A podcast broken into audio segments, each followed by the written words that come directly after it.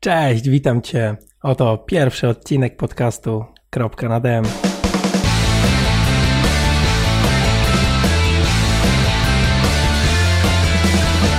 W tym odcinku opowiem, kim jest mój gość, a właściwie kim jest współprowadzący ten podcast, jak rozpoczęła się jego historia z triatlonem, gdzie mieszka, jakie miejsce triatlon zajmuje w jego życiu.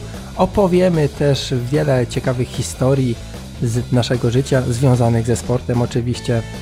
Dowiesz się również w jaki sposób można zdobyć licencję zawodnika, z czym posiadanie takiej licencji się wiąże oraz Sebastian, czyli mój gość, opowie o zawodach rowerowych, kolarskich, w których brał udział na dystansie no, ponad 200 km. Opowiemy też trochę o zdrowiu sportowca. Co ciekawego możemy dowiedzieć się o, o sobie, badając nasze próbki i ogólnie trochę poplotkujemy na tematy triatlonowe. Zapraszam. Cześć Sebastian. Cześć. Słuchaj, tak przechodząc od razu do rzeczy. Mieszkasz w Luksemburgu, prawda? Tak, to już minęło 7, 8 lat. 8 lat. A ile lat w ogóle masz? Mm, nie jestem kobietą, mogę odpowiedzieć. 39 lat minęło. Mhm. Dwójka dzieci wspaniałych, wspaniała żona, więc. W komplecie. W komplecie można się zająć teraz już dzieci takie trochę odchowane, troszkę większe, szkołę zaczynają, można się zająć jakimiś swoimi przyjemnościami i akurat padło na triatlon. Okej, okay, tak jeszcze ubiegając. Ostatnio sobie rozmawialiśmy, prowadziliśmy testową rozmowę wczoraj e, na Skype'ie i małe wyzwanie masz. Codziennie próbujesz przejechać, czy próbujesz, przejeżdżasz 100 km na rowerze, tak? Tak, akurat e, mam tydzień, gdzie yy, kiedy nie ma ani żony, ani dzieci i próbuję yy, stwierdzić, jaką mam granicę wytrzymałości długodystansową. Więc postanowiłem codziennie przejeżdżać 100 kilometrów. Dzisiaj jest trzeci dzień i spokojnie mi się to udało, nie mam jakichś większych problemów z tym, więc myślę, że do piątku na pewno dam radę, a yy, w sobotę będę jechał do oporu. Zobaczymy, ile kilometrów uda się przejechać. Rozumiem, sobotę masz wolną od pracy. Sobota wolna, a w niedzielę będę jechał do Polski, więc w niedzielę już się nie da. O. Dlatego akurat w sobotę mogę jechać do upadłego. Ale co ciekawe, dwa dni jechałem na moim rowerze, e, który ma tylko dwa biegi. To jest taki Shram Automatics, który sam zmienia bieg e, w zależności od prędkości. Jeden dzień, ponieważ był bardzo duży deszcz rano, to wybrałem Scotta Speedsteer 20, czyli taki sam rower, jak ty posiadasz. Mhm aczkolwiek dla komfortu ja jeżdżę na oponach 25 mm. Polecam. A rozwin dla komfortu, czyli co, im szersze, tym jest wygodniej, tak? E, po pierwsze jest wygodniej, bo masz wyższą amortyzację, mhm. a po drugie e, wcale nie tracisz e, ani na szybkości, ponieważ aerodynamika jest lepsza, a także masz lepszą przyczepność do podłoża. Mhm. Więc właściwie na oponach 25 mm są same zalety. Jest to bardzo widoczne w tegorocznym w tegorocznych wyścigach World Touru. E, jeżeli zobaczysz sobie na Tour de France, to właściwie każdy rower, który opisany jest, minimum ma opony 25-26 mm mhm. szerokości. Ja myślałem też, że bardziej chodzi o to, żeby snake'ów nie łapali, że mniej podatne są na dobicia, na, na nierównościach. Ale wiesz co, może te, te tematy sobie zostawmy na kolejny odcinek. Tak, taka już zajawka jest kolejnego odcinka. Mówiłeś, w sobotę nie pracujesz. A czym się zajmujesz tak na co dzień? Ja jestem specjalistą do spraw bezpieczeństwa komputerowego i pracuję e, w takiej instytucji naukowej, która się nazywa Integrated Biobank of Luxembourg. My się zajmujemy zbieraniem biologicznych próbek mamy takie swoje główne cztery y, projekty, cztery obszary działania. To jest rak, to jest cukrzyca, Parkinson i taki generalny przekrój społeczeństwa, o którym za chwilę trochę powiemy, bo będzie się to też wiązało z triathlonem, który uprawiam. Mhm. To tak trochę też z tym, co Apple ostatnio pokazał, ma wspólnego, bo nie pamiętam detali, ale pokazując nowy chyba system operacyjny, prawda? Mówili, że zbierają też dane yy, zdrowotne. Tak, tutaj jest, tutaj jest sprawa całego Apple Watcha, do którego jest y, podpięta cała taka aplikacja, która potrafi zbierać wszelkie dane medyczne. I wszelkie trendy wskazują na to, że mm, instytucje takiego typu jak, jak firma, w której pracuję, oprócz zbierania próbek biologicznych, również będą zajmowały się y, zbieraniem danych. Y, I w tej chwili planujemy taki y, pilotażowy projekt zbierania takich danych.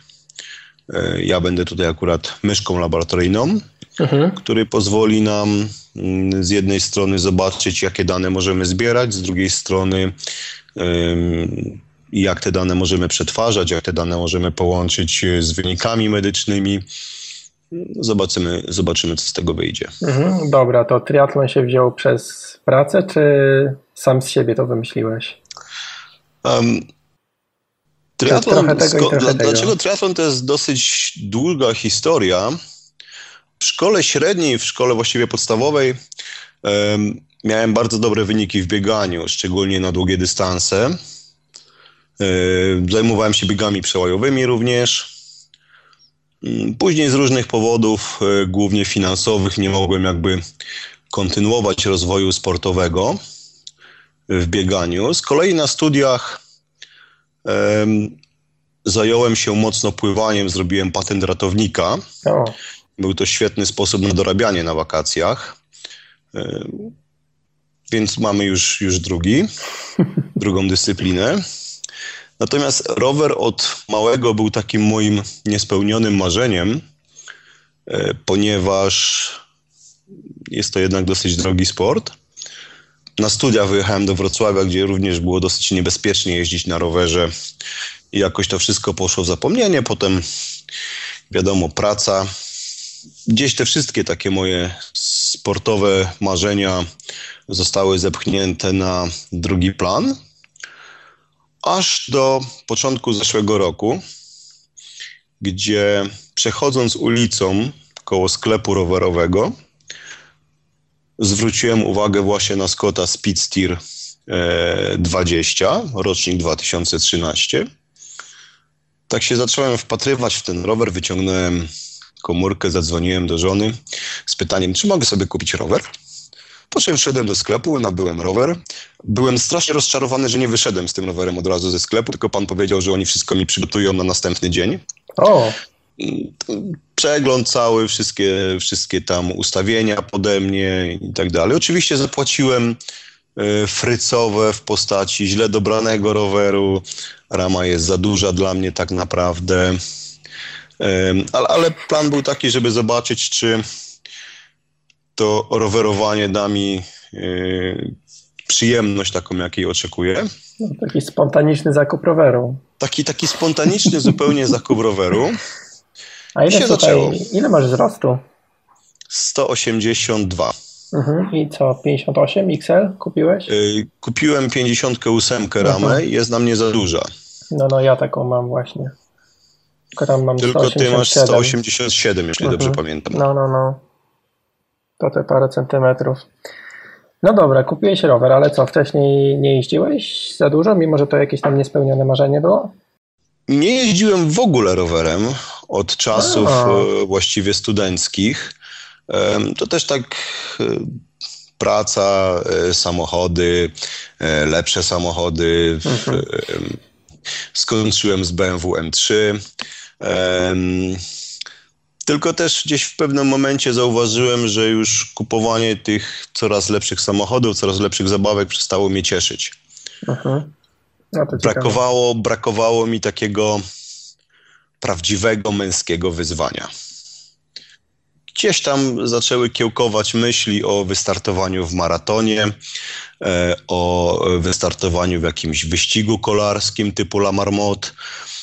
Aczkolwiek wiedząc, jakie są możliwości mojego organizmu, nie było to wyzwanie które jakieś takie wydawały mi się adekwatne. Albo nie mogłem się też zdecydować, czy to przygotowywać się na maraton, czy to się przygotowywać na rower. A co, za małe marzenie? No za małe, no. To wiesz, do, maraton do... na maraton. Maraton w 4 godziny, jak za, małe, za małym wyzwaniem jest, to można maraton w 3 godziny powiedz. No tak, tylko do maratonu w 4 godziny to się przygotujesz w 3 miesiące. E, natomiast do maratonu e, takiego w 3 godziny, może akurat nie w Luksemburgu, bo ten dosyć dużo ma różnicę poziomów, mhm. ale takiego płaskiego. polskiego, płaskiego typu Berlin, no to potrzebowałbym taki solidny rok przygotowań. Ale też z innego poziomu trochę startujesz. To pochwal się, ile tam najszybciej nabiegałeś jako, jako młodzieniak. A to jako młodzieniak to gdzieś tam jeszcze moje rekordy w szkole na 10 km w granicach 34 minut, jeśli dobrze pamiętam. I obecnie dążysz do tego poziomu. O, tak, obecnie jestem daleko od tego poziomu. Um, ale to też, to też trochę dlatego, że wbrew zaleceniom trenerów odpuszczam ciągle trochę bieganie na rzecz roweru. Mhm. Mhm. Nie, mogę ciągle, nie mogę ciągle się najeździć. No kumam. Ja prawdę powiedziawszy myślałem, że ty dłużej na tym rowerze tak fisiujesz. Eee, a mówisz, że na początku zeszłego roku kupiłeś tego Speedstera najpierw, tak? To jest dokładnie połowa marca. I w zeszłym roku, do przed końcem roku, zrobiłem 4700 kilometrów mhm. na tym rowerze. W styczniu już e, po decyzji o przygotowaniach do pełnego Ironmana musiałem zrobić taką zaległą operację zatok, wobec czego miałem e, dwa i pół miesiąca e, bez żadnego sportu. Mhm. Więc wystartowałem dokładnie tak jak w zeszłym roku w połowie marca.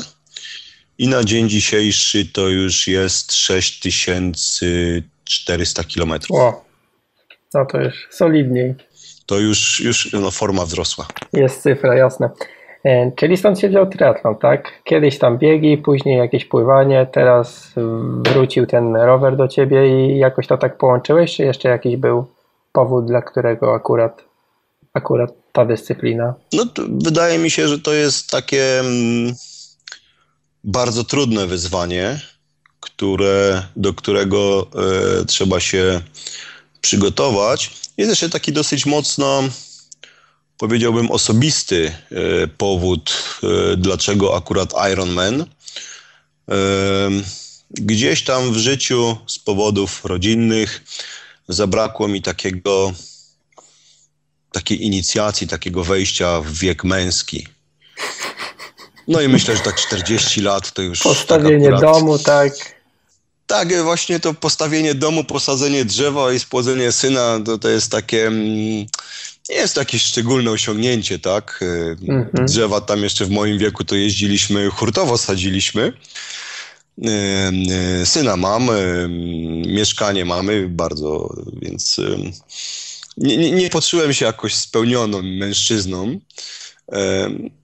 No i tak trzeba wprowadzić się odpowiednio w wiek męski. 40 lat to tak w sam raz, żeby dorosnąć. Mhm. I myślę, że zrobienie pełnego Ironmana jest takim wystarczającym powodem, na którym, po którym można się nazwać już prawdziwym mężczyzną. Jasne.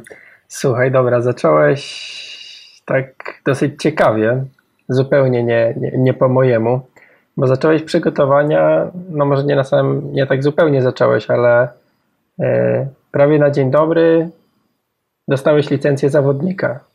A to jest, to jest e, bardzo ciekawa sprawa. Po rozmowie z żoną, kiedy już żona zaakceptowała ten pomysł, zaczęliśmy szukać trenera.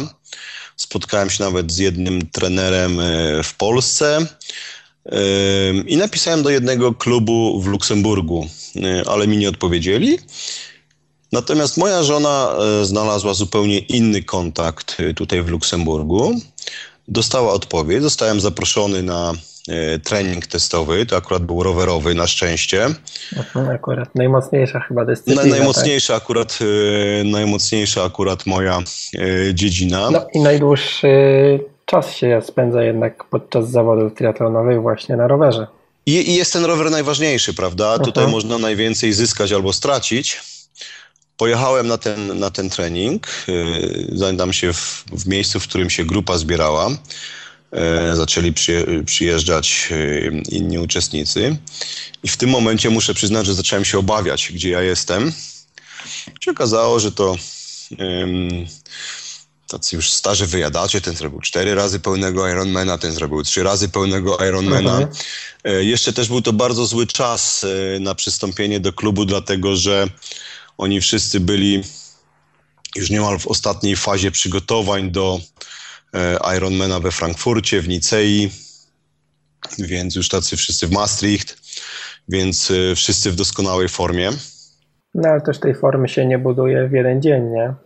No tak, oni nie buduje się, ale oni już byli tam e, na dwa miesiące przed startem, mhm. więc tą formę mieli już doskonałą. No, też chyba trenerzy wiedzieli, że jakby przychodzisz prawie że z ulicy i pod to się nie przygotowywałeś. No dobra, kontynuuj, sorry. Ale to ich, to ich tam nie, nie przyjmują, oni się tym nie przejmują, że boli. Mhm, no nie, no e, jak się, potem później widziałem jakieś e, dwa miesiące później, jak tam inne osoby chciały przystąpić do, do, do klubu. E, okazało się, że z pięciu osób, które chciały przystąpić w tym czasie, co ja, to tylko ja przetrwałem tą, tą, tą masakrę na początku, no którą mi zafundowali. No to jak ona wyglądała?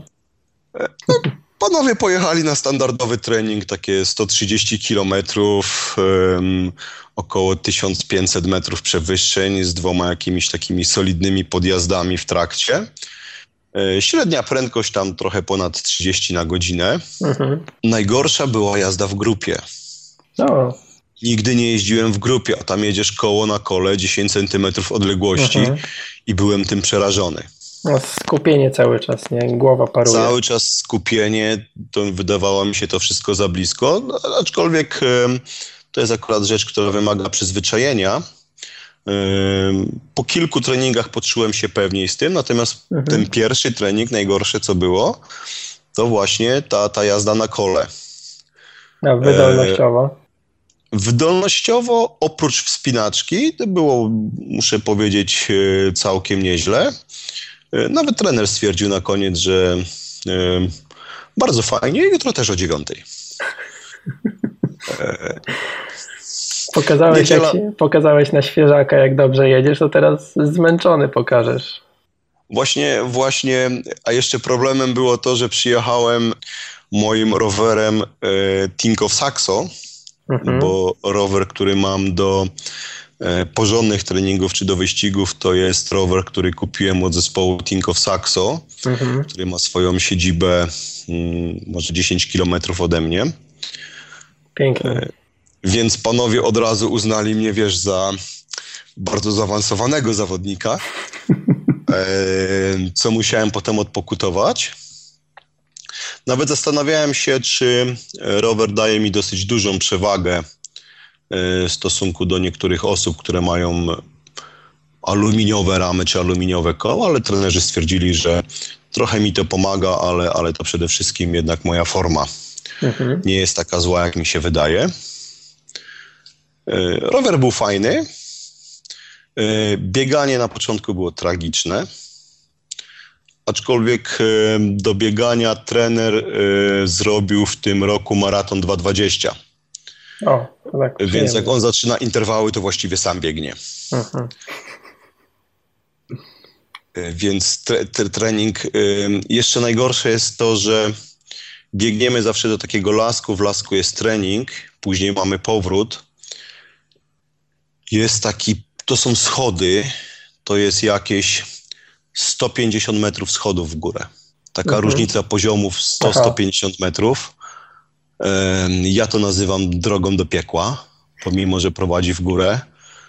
Tra tragedia. I te, oczywiście pilnuje trener, że nie wolno iść, tylko trzeba cały czas biec. No, no. Po te schodki, więc boli.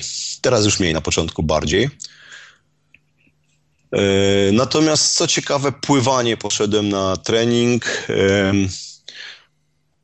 Trener powiedział, że no, tam utopić się nie utopię, ale, ale na początku musimy się nauczyć porządnego kraula do, do, do triatlonu, mój się nie nadaje. Mhm.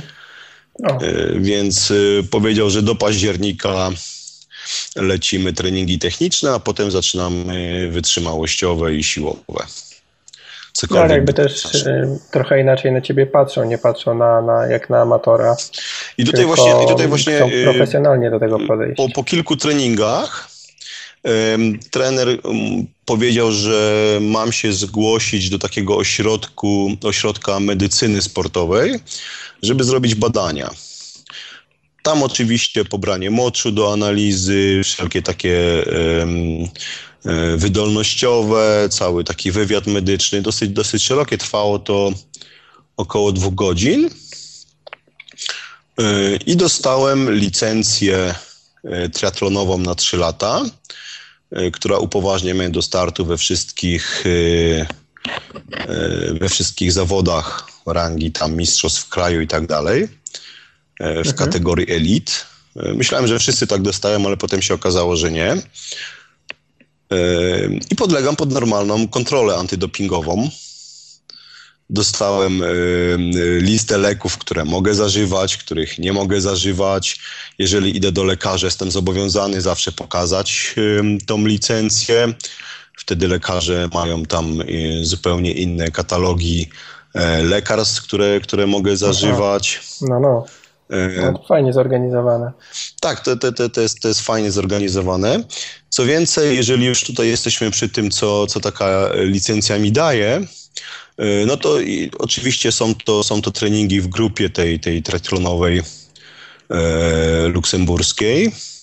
Dodatkowo e, wstęp e, na stadion, na treningi i to mm, w naszym czasie, ale również w innym czasie, który tam, e, kiedy są tam jakieś treningi lekkoatletyczne. Mhm. Również e, basen. Trzy razy w tygodniu, godzina szósta, basen olimpijski z trenerem, o. więc to jest, to jest fajne. Nie trzeba za to nic dodatkowo płacić. W przypadku treningu rowerowego, jeżeli mam wypadek, E, to mam również dodatkowy numer telefonu do szpitala, e, który odpowiada za e, takie kontuzje sportowe. Mhm. I oni, oni mają cały tam specjalny oddział, który dyżuruje w czasie weekendów i wtedy oni mają tam swoje ambulancje, które po ciebie wysyłają swoich lekarzy. Nie musisz czekać w szpitalu takim, takim normalnym, publicznym. I wówczas również jest to taka właśnie już opieka skierowana dla sportowców. Okej, okay, ale ty trafiłeś do normalnego teamu? Nie wiem, znalazłeś go gdzieś w, necie, czy słyszałeś, że zbierają się kolarze i, i jeżdżą, czy to była od razu e, jakaś grupa z, e, wszyscy z licencją i związana jaka, jakoś z ośrodkiem przygotowań, nie wiem, Luksemburgu do olimpiady. E, tak, tak, tak mówiąc, jak to było naprawdę, to nie wiem, żona mnie zapisała. To miała cela.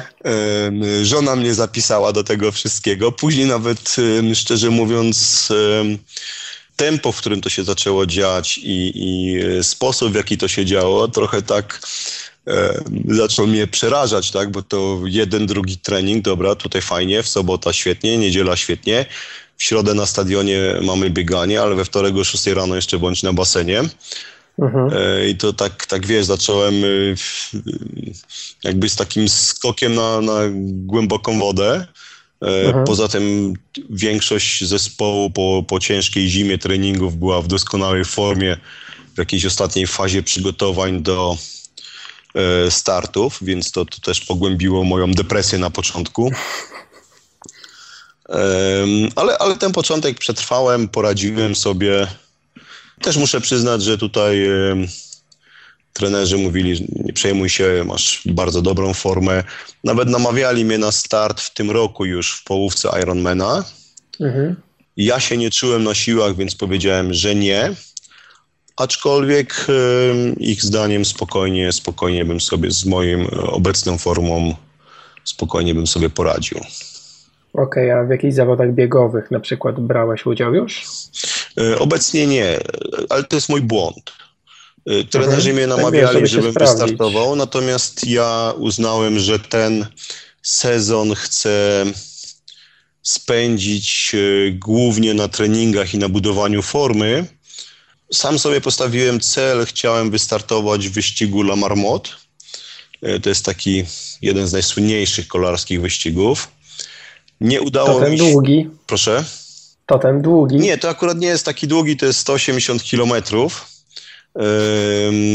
180 kilometrów i tam chyba 5000 no właśnie, bo to też robi. metrów przewyższeń co widzę twój trening, to patrzę tylko na przewyższenie. Nie, nie macie płaskich tras? E, jest problem. Jak trener mi kazał znaleźć 10 km płaskiej trasy, to musiałem gdzieś tam samochodem daleko jechać.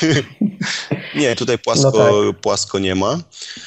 I, I, postawiłem sobie taki cel w tym roku, żeby wystartować w jakimś wyścigu kolarskim, takim w okolicach 200 kilometrów. Mhm. Nie czułem się jeszcze po operacji pewnie, żeby wystartować w Lierz-Bastonie-Lierz, który bardzo chciałem zrobić. Tam można wystartować na pełnym dystansie, to jest 278 km. O kurczę. Jest też krótszy dystans 170, 168 km. Ale to nie jest etapówka, tak? To jest... Nie, to jest jednodniowy taki, jeden... taki wyścig. Mhm. To jest jeden z wiosennych klasyków. W mhm. sobotę jadą amatorzy, a w niedzielę jadą zawodowcy. Więc to też taki dosyć fajny wyjazd można sobie zorganizować. Mhm. A ty w której grupie byś startował? Nie, to jest, to jest am amatorskie, bo to jednak to musisz mieć licencję tą, tą e, taką um, UCI do, do startu. Aha, aha. Okay. To, już tam jadą, to już tam jadą profesjonalne teamy z tego, z tego World Touru e, mhm. w niedzielę ale nie czułem się na siłach po operacji, więc, więc ten odpuściłem. Później z przyczyn osobistych nie mogłem pojechać na ten Lierz, Bastonie Lierz. Jeden z kolegów ze Steamu y, rzucił, wiesz co, jest tutaj w Luksemburgu u nas w Janden taki holenderski klasyk, y, 200 kilometrów. To może wystartujemy. No, 220 chyba, tak? Wyszło e, Zbłądziłeś? Nie, nie to, jest, to, jest, to, jest, to jest śmieszna historia. Mówię, no dobra, to, to zobaczmy. Otworzyliśmy stronę, okazało się, że strona tylko po holendersku. O. No najdłuższy dystans 220. No to co, jedziemy 220? No pewnie jedziemy 220, no jak już jechać, to cały dystans. Mhm. A było tam oczywiście od 85 kilka tych 85, 120, 160, 180 i 220. Mhm. No i tam była e, taka tabelka dosyć duża z e, wszystkimi podjazdami, na które trzeba się wspinać. No i na tym dystansie 220 km z tabelki wynikało, że mamy 4300 metrów wspinaczki. Jedziemy, jedziemy. Pogoda miała być ładna, nie wzięliśmy ani rękawków, ani kurtek. Nic, pierwsze trzy godziny lało. E, ja już, miało być 16 stopni, było 8. Wspinam się, wspinam się na taką górkę, wiesz, że, że ledwo pod nią podjeżdżam, a mój Garmin pokazuje mi minus 7% e, nachylenia. Aha. Byłem gotowy się wycofać, ale, ale mieliśmy za daleko do, do samochodu, więc jechaliśmy dalej. Zresztą kolega mówił, że jedziemy. Później na jednym ze zjazdów e, kolega kompletnie prawie spalił hamulce. Słyszę za mną tylko taki krzyk i widzę prawie jak wylatuje z drogi. E, naciągnęliśmy linkę i jedziemy dalej, bo jeden z kolejnych przystanków był e, koło sklepu rowerowego. A to dobrze rozpoznane mieliście tereny? Yy, nie, no akurat tam w opisie było, że tam tutaj, tutaj będzie serwis yy, yy, możliwy w czasie, w czasie tej, tej, tej, tej jazdy. Zrobiliśmy całość, zrobiliśmy całość w 10,5 godziny.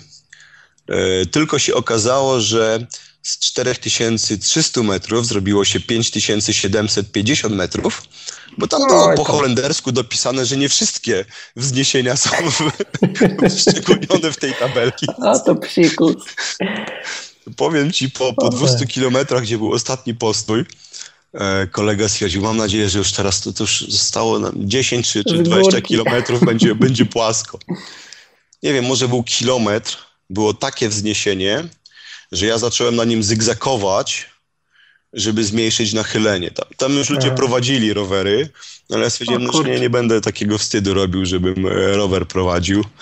e, i to zygzakowałem po prostu po szerokości ulicy, żeby zmniejszyć nachylenie, żeby się wdrapać na górę. No, satysfakcja, muszę przyznać, ogromna. Wróciłem do domu oczywiście chyba do piątej rano, nie mogłem spać ze zmęczenia.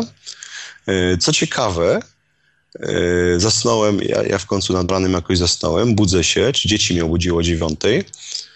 Się pytam, a gdzie mama? Mama poszła na rower. Moja żona się poczuła taka zmotywowana, że pierwszy raz w życiu zrobiła 50 kilometrów na rowerze. No, widzisz, to działa jednak, nie? Na dzieci później też przechodzi. Działa, działa, to jest, y, dzieci chcą tutaj, one będą, y, miałem taką historię, pojechałem na trening, E, po południu dzwoni do mnie żona, mówi słuchaj, nie zdążę po e, synka pojechać. Dobra, nie martw się, ja jestem blisko, zawracam, pojadę po niego. Będziemy tam na ciebie czekać, no bo ja już do domu nie, nie zdążę się pojechać przebrać. Będę w stroju kolarskim, no tam na, na placu zabaw będziemy czekali. Mhm. Przyjechałem do tego, tego przedszkola po niego. Oczywiście rower zabrałem do środka, no bo nie miałem jak, e, gdzie go zostawić żadnego mhm. zamknięcia ani nic, w pełnym stroju kolarskim. No i oczywiście w związku z tym, że gdzieś tam był faktycznie wypadek, to dużo rodziców miało ten problem, więc bardzo dużo dzieci było jeszcze w tym żłobku. Mhm. Przybiegli wszyscy koledzy mojego synka. A mój synek tam, to jest mój tata, mój tata jest najszybszy, mój tata ma najszybszy rower. No Byłem tak. gwiazdą tam w tym, w tym przedszkolu. Każdy chciał dotknąć roweru, każdy chciał wcisnąć hamulec. E, pani się potem do mnie śmiała, że do końca tygodnia dzieci już nie rozmawiało o żadnym Ferrari ani Porsche, tylko o rowerach. Kto będzie miał najszybszy rower. A to super jest. Ja widzę też u siebie podobne wrażenia. Nawet nie musi chodzić o sport, ale nie wiem, że, że rodzic przyjdzie i na przykład czyta bajkę dzieciom, tak? tak trochę odchodząc od tematu, że, że też to dziecko jest takie dumne, że, że jego tata przyszedł i, i nie wiem, i pokazuje, że umie czytać, tak? Już, no ja jak jeździłem na rowerze, to tam nie na jakimś wypasionym sprzęcie, tylko na, na takim starym MTB, ale no dzieci jednak mega podłapują to, co rodzice robią. Też yy, dla mojego synka w ogóle to było super, że Mm, ja jeździłem do pracy na rowerze i on przy okazji mógł też na rowerze jeździć do przedszkola.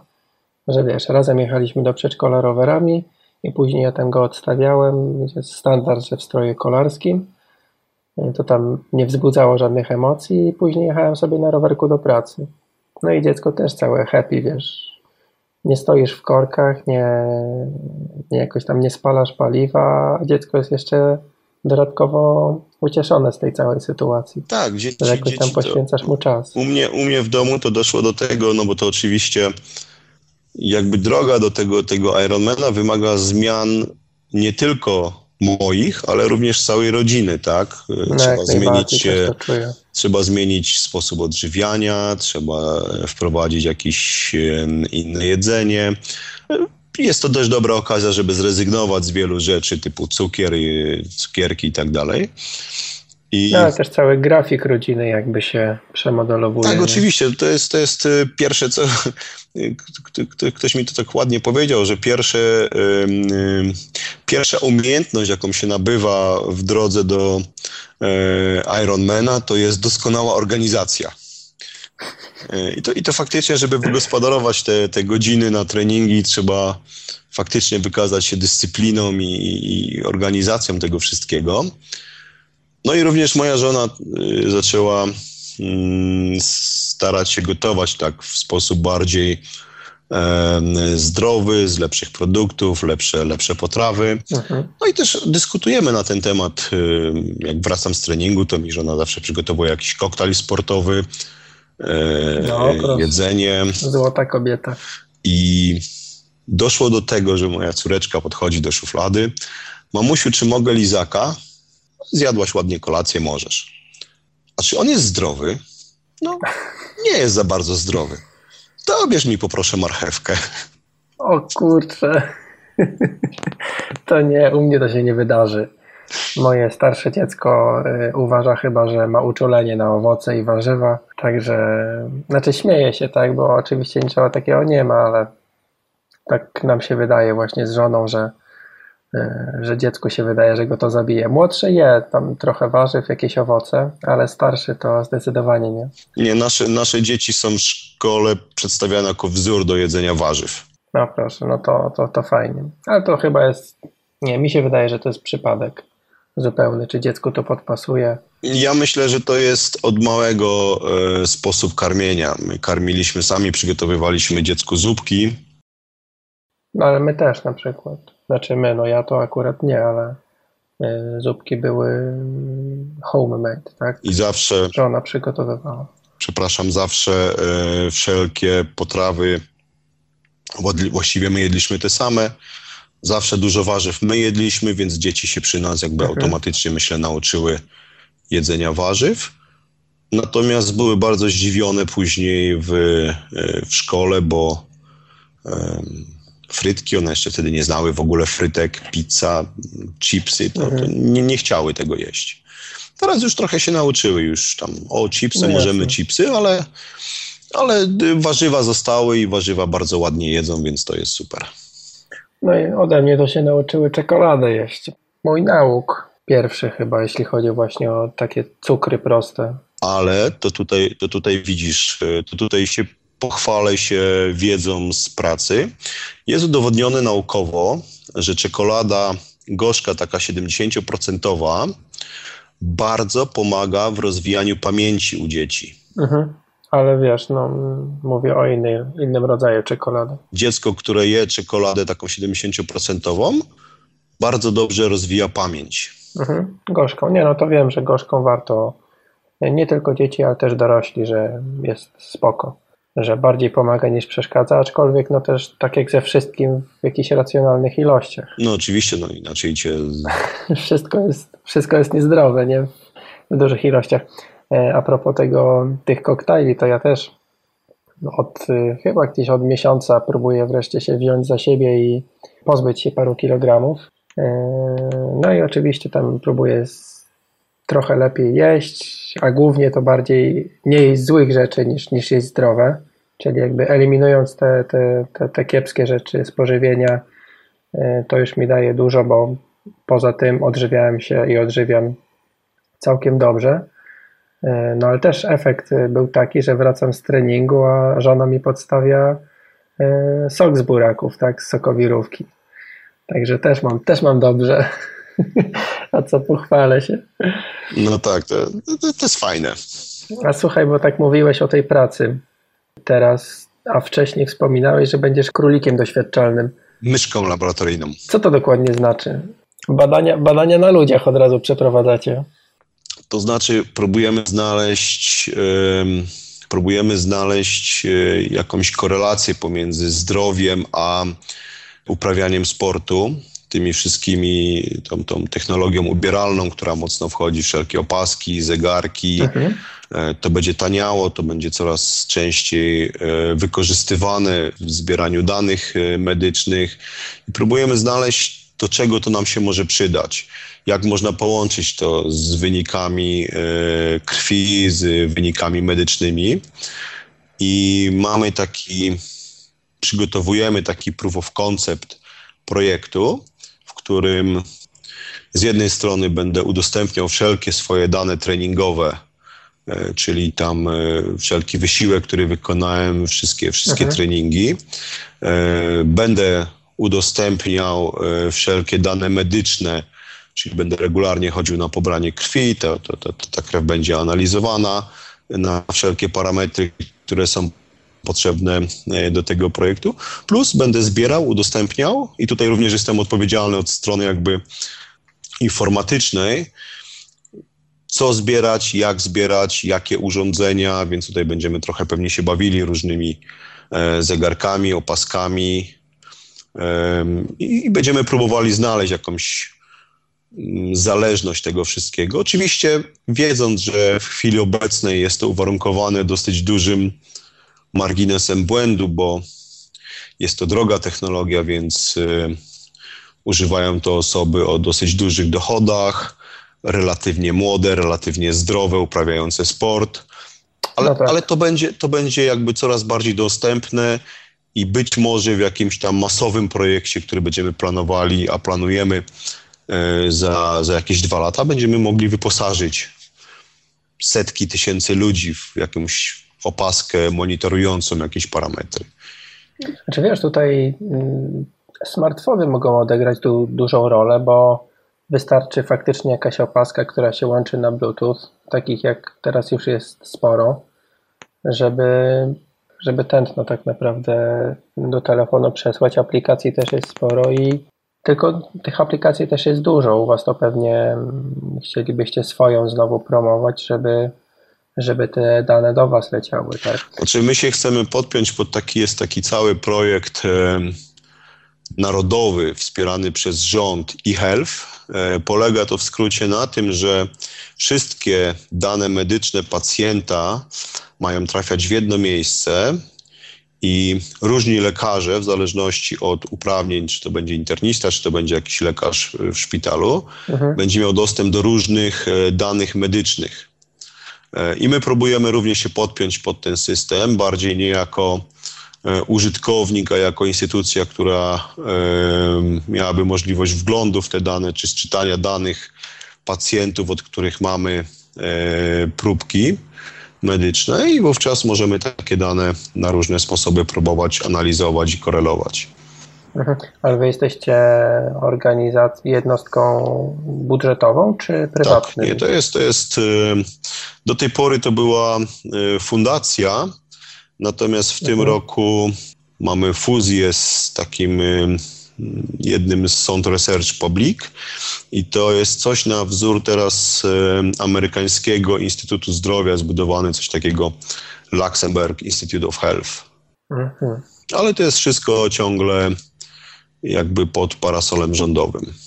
Pomimo tego, że mamy też swoją jakąś działalność komercyjną w tej chwili, swoich klientów i, i świadczymy też usługi komercyjne, to jednak większość naszego budżetu pochodzi z budżetu państwa.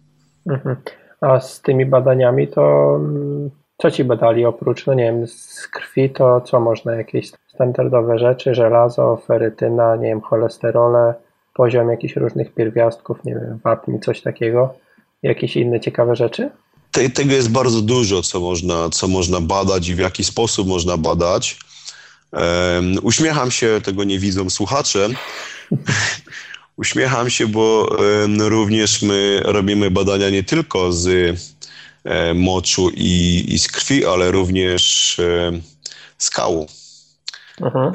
E, okazało się, że na podstawie flory bakteryjnej w kale można dosyć łatwo i co najważniejsze tanio zdiagnozować e, wiele chorób.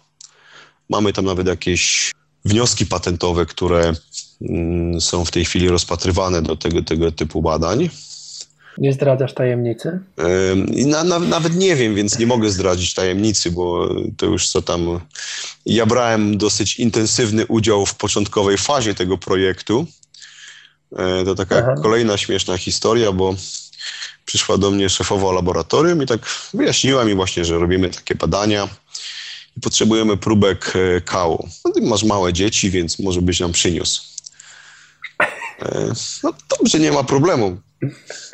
W wyobraźni widziałem, wiesz, dwa pampersa, którego przynoszę dziewczynom do laboratorium. No to super. No, sprawa ucichła na jakiś czas. I później koleżanka, jedna z laboratorium mówi, o Sebastian, słyszałem, że będziesz nam dostarczał próbki E, do, do, do, do badań e, kału od dzieci. Mówię, no, tak, będę, przyniosę wam, nie? O, to super. I tak się uśmiechnęła od ucha do ucha i ten uśmiech mnie bardzo zaniepokoił. Jak się okazało, bardzo słusznie, bo zostałem poproszony później na takie spotkanie, gdzie tam właśnie zostały wyjaśnione ramy, jak to będziemy, e, o co chodzi w tym pierwszym etapie. W pierwszym mhm. etapie było próba znalezienia najlepszego sposobu, jak to zbierać, przechowywać i przesyłać. E, no i dziewczyny wiozły mi na wózku takie dwa gigantyczne kartony. W jednym kartonie było 50 próbek, które miałem uzupełnić. 50 na dziecko, więc razem miałem 100. I karton y, suchego lodu, bo część próbek trzeba było y, włożyć do suchego lodu. No i tam trzy dni na zebranie próbek. Pierwszego Ale dnia. trzy, w trzy dni 50 próbek? No, trzy, znaczy to nie jest, że trzy dni, no, zaraz wszystko wyjdzie. No, w, pierwszy, okay. w pierwszy dzień dzieci nie chciały współpracować, więc na drugi dzień mówię do żony, że ja dzisiaj dzieciom robię kolację. Zrobiłem im ulubione naleśniki, najadły się po, po e, granicę możliwości. Za godzinę miałem dwie piękne kupy do dzielenia. Do zabrania. Przywożę te, te dwa kartony do domu, moja żona, co to jest? Mówię, no to tutaj próbki teraz będę te, te, te robił. Słuchaj, e, na, na, oczywiście moja córeczka weszła, tatusiu, ja ci pomogę. O, tatusiu, jak tu śmierdzi, ja stąd wychodzę. Słuchaj, spędziłem godzinę na jedno dziecko, krojąc kupę na dokładnie porcje, jakie są wymagane do włożenia do każdej tubki. Z połowy tych tubek trzeba było jeszcze zrobić czekoladowego szejka. Nie myślałem, że ta audycja pójdzie w tą stronę, sobie. Z połowy próbek jeszcze musiałem zrobić czekoladowego szejka, wiesz, i, i, i, i dwie godziny, wiesz, co, co innego jest jako rodzic, wiesz, jak to się szuka czegoś w kupie, ale wiesz, krojenie tej kupy na konkretne porcje, pakowanie do tubek, to jest zupełnie inny level. No, no, i... no dobra, ale te 50 próbek to było na raz? Tak. O kurde. To jest to, wiesz, tam po parę gramów, więc jak tak masz, Nie, no taką, jasne, ale... masz takiego porządnie wypełnionego pampersa, to spokojnie wystarczyło. Mhm, czyli każda porcja tam jakieś inne badanie, tak? Y, znaczy, część chodziła, została natychmiast wysłana do różnych laboratoriów na świecie, bo my też jesteśmy takim wzorcowym laboratorium, Aha. które wykonuje badania dla innych y, laboratoriów i te, te laboratoria porównują wyniki do naszych no. Y, badań, więc zostały wysłane w różne tam części świata, żeby zobaczyć, jak taka próbka zniesie transport. Mhm. Oto też jest cała logistyka transportu takich próbek medycznych. No, domyślam się. A część została tam zamrożona, część została poddana tam od razu w laboratorium różnym eksperymentom. Mm, więc to, to, to nie był jeden raz, który musiałem te próbki potem jeszcze dostarczać. Ale już potem było trochę lepiej. Co, raz na miesiąc się sytuacja powtarza, czy rzadziej? Nie, nie, to tam ze trzy czy cztery razy musiałem dostarczyć te próbki na przestrzeni tam paru miesięcy ale później też już mniejsze ilości, więc, więc e, mhm. na koniec dostaliśmy tego, tego projektu, takiego maila tam od szefowej laboratorium e, z opisem, e, jak dzieci wyglądają medycznie względem tych badań, mhm. więc tam zostaliśmy pochwaleni, bo szefowa powiedziała ta, ta naukowców, że widać, że dzieci są bardzo dobrze odżywione, mają doskonałe tam parametry wszystkie, więc mhm. byliśmy dumni, że nasze dzieci mają perfekcyjną kupę. Jeżeli wracamy już do, do, do e, tematu e, tego mojego króliczka doświadczalnego, czy, czy mhm. myszki laboratoryjnej, to w, e, akurat deal jest taki, który mi bardzo odpowiada, że ja dostarczę wszystkie te, te dane dla firmy, odpowiem na wszystkie badania, na wszystkie pytania, wypełnię formularze, będę chodził na wszystkie badania, które oni wymagają, a w zamian dostanę czas na treningi.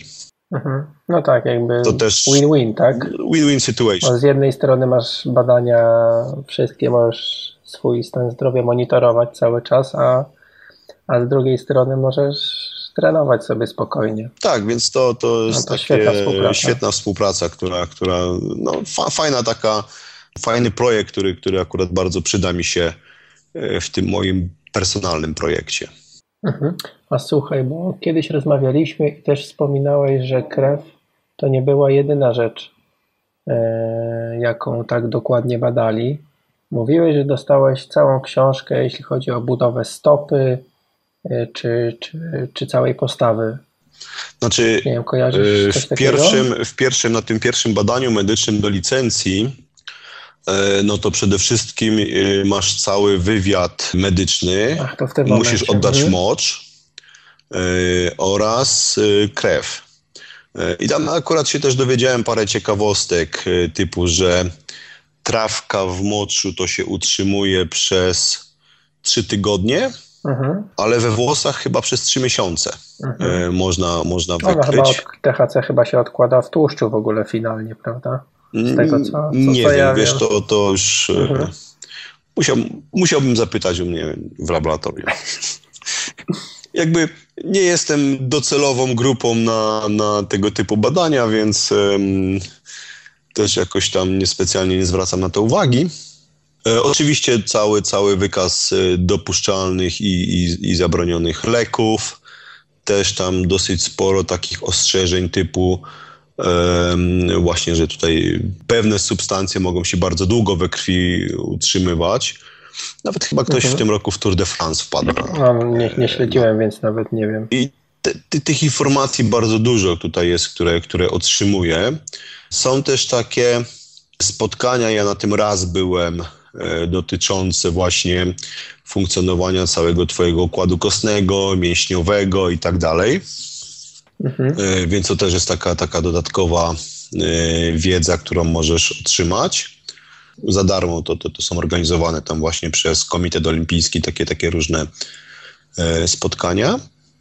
I taka, taka jeszcze jedna rzecz, taka licencja roczna opłata to mnie kosztuje 120 euro.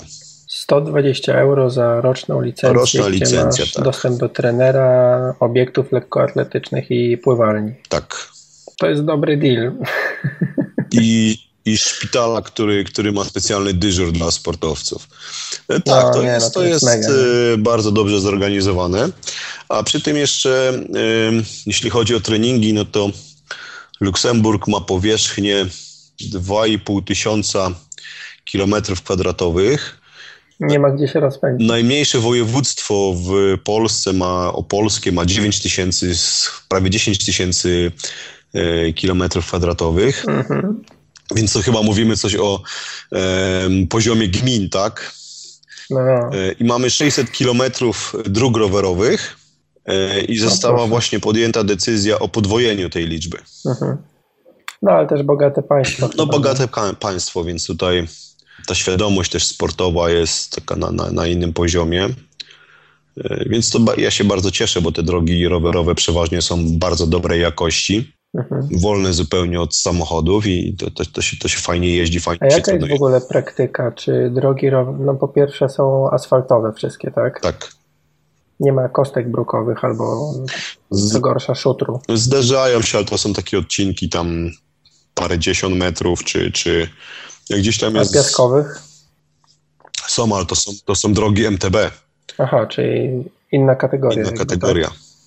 Mhm. Dobra, a mm, one są przy ulicy prowadzone, czy oddzielone od ulicy różnie, pasem zieleni? Różnie to jest. Y, jeżeli są to gdzieś przy ulicy, to przeważnie są oddzielone pasem zieleni, ale mhm. najczęściej one idą w jakiejś odległości od e, dróg lub zupełnie, zupełnie jakimiś innymi, wiesz, lasami, polami i tak dalej. Więc bardzo często Aha, takie drogi to, to, to masz między gdzieś w dzikiej przyrodzie. Mhm. No to super, bo właśnie z tym z tym jest w Polsce problem, znaczy problem. Pakują się po pierwsze ludzie na ścieżki rowerowe, bo jest jakby jeden ciąg komunikacyjny yy, przedzielony na pół, tak? Chodnik i droga rowerowa to po pierwsze, rzadko kiedy zdarza się inaczej. Oczywiście ta świadomość rośnie i z moich doświadczeń to ludzie raczej też są coraz bardziej yy, mili, tak? I, I wiedzą, w którą stronę powinni iść, jak się zachować. Aczkolwiek czasami jak jadę i właśnie ścieżka rowerowa odbija zupełnie od ulicy, jest jakby zupełnie inny poziom bezpieczeństwa. Jak jedziesz i wiesz, że jesteś stricte ścieżce rowerowej, na którą ktoś by musiał mocno zbłądzić, żeby, żeby na nią wejść, czy, czy wjechać samochodem, to w ogóle wręcz niemożliwe. I no strasznie mi się coś takiego podoba. Znaczy, Dwa miejsca tylko kojarzę, gdzie jest coś takiego tutaj w moim rejonie. Są takie oczywiście wydzielone, ale też się wszystko zdarza. Sam widziałem kiedyś paniusia e, stała na, po jednej stronie drogi, e, rozmawiała przez e, komórkę. Pogoda była akurat dosyć kiepska, las, więc taka widoczność ciemno, bo to było jeszcze troszkę tak, tak mhm. tak, taka mrzawka padała. I miała, wiesz, przyciągniętą smycz przez całą drogę i gdzieś tam po drugiej stronie w krzakach piesek buszował. Znaczy piesek, taki, taki dosyć duży piesek. Mhm. I gdyby nie to, że jakoś tam 100 metrów wcześniej wyprzedził mnie jeden kolarz, który jechał bardzo szybko, to byłbym to ja. Yy, I on wjechał w tą smycz. Mhm. Yy, oczywiście ta smycz się wyrwała z, z ręki tej, tej, tej, tej dziewczyny, owinęła mu się wokół kierownicy i ściągnęła go w prawo, no bo pies tam ważył ze, ze 20 czy 30 kilo. Mhm. I facet yy, wjechał tam, wiesz, w drzewa. Tam nic poważnego mu się nie stało na szczęście. No ale mhm. miał wypadek. Y, więc tak, takie rzeczy też się zdarzają. Też no zdarza tak. się, że wiesz, wyjeżdżasz z zakrętu i widzisz tam idą jakieś panie, wiesz, całą szerokością drogi, więc to różne rzeczy się zdarzają, aczkolwiek ta świadomość tych, tych poruszania się rowerów, e, biegaczy jest zdecydowanie większa niż w Polsce, zwłaszcza jeżeli jedziesz po drogach publicznych. Starają się mhm. samochody ten metr y, odstępu zachowywać. Dla nikogo nie jest bólem, żeby pojechał za tobą tam kilometr nawet i, i poczekał na mhm. miejsce do wyprzedzania. No, no. E, więc, więc czuję się zdecydowanie pewniej na tych drogach, zdecydowanie bezpieczniej. To, to, jest, to, jest, to jest bardzo fajne. No mnie, mnie nawet bardziej niż ten metr, tak jak jeżdżę gdzieś po takich um, ulicach mocno uczęszczanych przez samochody, to bardziej od tego metra mnie interesowałoby, żeby różnica prędkości nie była zbyt duża. Bo wiesz, ktoś może przejechać metr obok ciebie jadąc 50, gdy ty jedziesz 30, a ktoś może przejechać półtora metra od ciebie jadąc stówą, kiedy ty jedziesz 30 jest totalnie inne odczuwanie, zupełnie no, mniejsze jest poczucie bezpieczeństwa, mimo że ktoś dalej od ciebie przejechał, ale z tak znaczną różnicą prędkości, że mm, jakby tutaj też z własnego doświadczenia widzę takie zagrożenie dla siebie, bo też jedziesz rowerem, jesteś zmęczony, i no może tobą rzuci gdzieś pół metra w bok, tak? Czy nawet wiatr boczny jest. Zgadza się. No tutaj, tutaj pod tym względem to, to jest jednak y, Luksemburg, Belgia, Holandia, to, to, to jest, wiesz, bardzo duża tradycja no, kolarska. też państwa. Y, więc tych tutaj kolarzy jest bardzo dużo. Y, ludzie jeżdżą, wiesz, szczególnie na weekendy, to, to, to całe grupy no tak. różne, to, to, to, świadomość jest dużo większa i większą uwagę mhm. się na to zwraca. Poza tym też kierowcy są dużo lepiej, bardziej zdyscyplinowani, powiedzmy tak. Mhm. A słuchaj, jak sobie zapisałem, jak rozmawialiśmy, trochę się pośmieć chciałem z ciebie.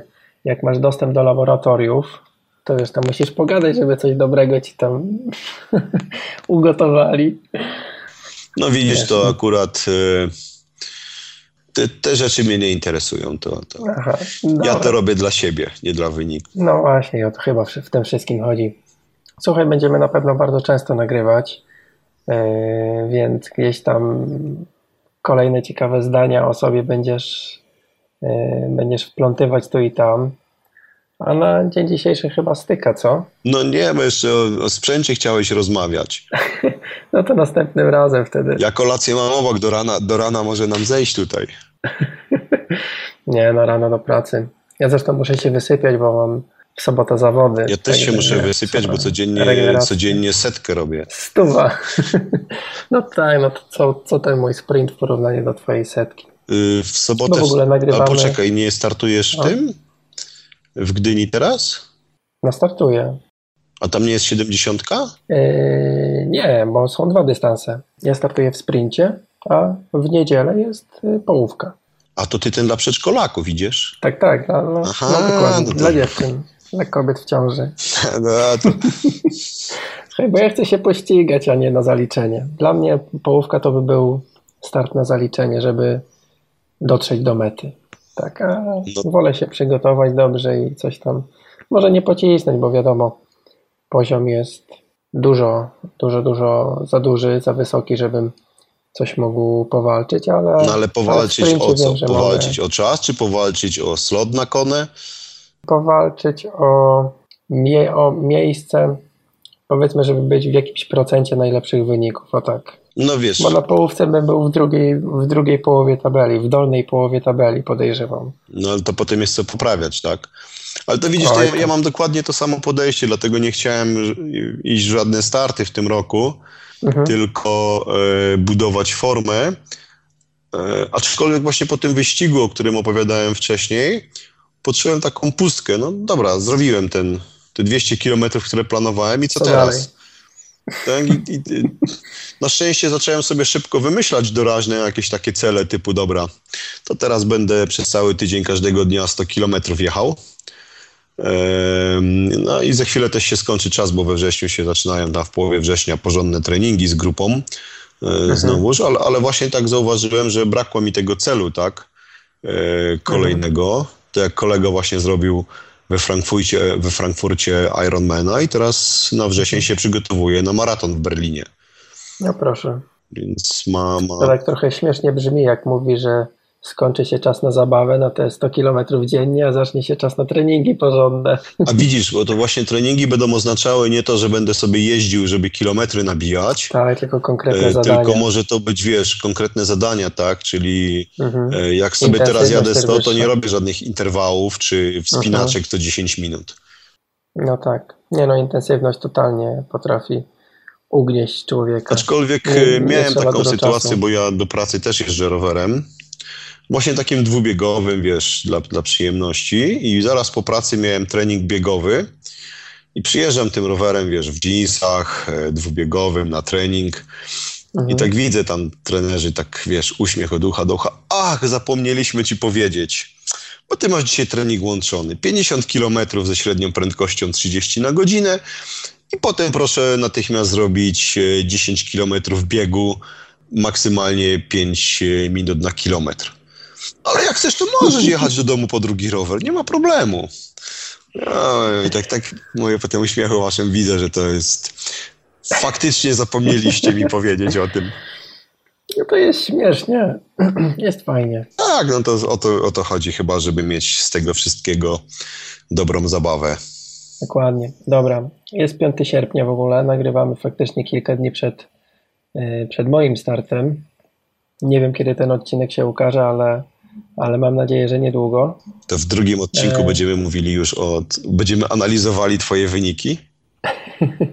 nie, zobaczymy, zobaczymy, kiedy nagramy. E, nie no, w drugim odcinku będziemy mówili o tym, o czym zagaiłeś na początku tego odcinka, czyli o sprzęcie. A to o tym sprzęcie to trochę możemy turu, dyskutować. O, turze, o, tym sprzęcie to możemy dyskutować bardzo długo i to starczy nam na sporo odcinków. No to do setnego odcinka będzie o sprzęcie. Będziemy rozkładali rower na czynniki pierwsze. Jasne.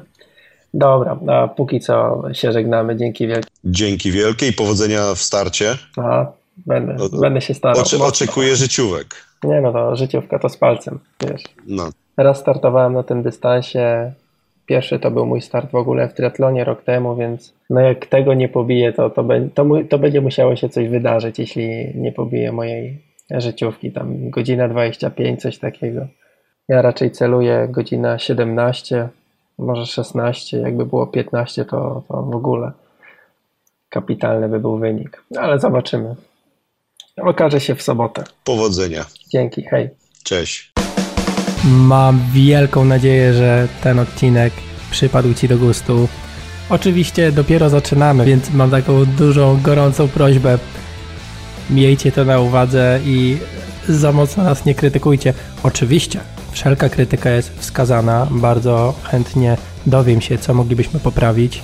E, mam nadzieję, że nie będzie zbyt wielu wiadomości, żeby to jednak Sebastian prowadził podcast, a nie ja, że, że jakby na dzień dobry dostanę kopa w tyłek od Was.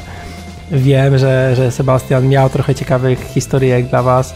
Zresztą, z tego co ja wiem, to ma jeszcze ich dużo do opowiedzenia. Sebastian będzie często gościem, no właściwie współprowadzącym ten podcast. To tak naprawdę jego był pomysł, to on włączył się do dyskusji nad nazwą, mm, nazwą tej audycji i, i, i kropkę nad M to jest, to jest jego pomysł. Także na, na dzisiaj to, to tyle.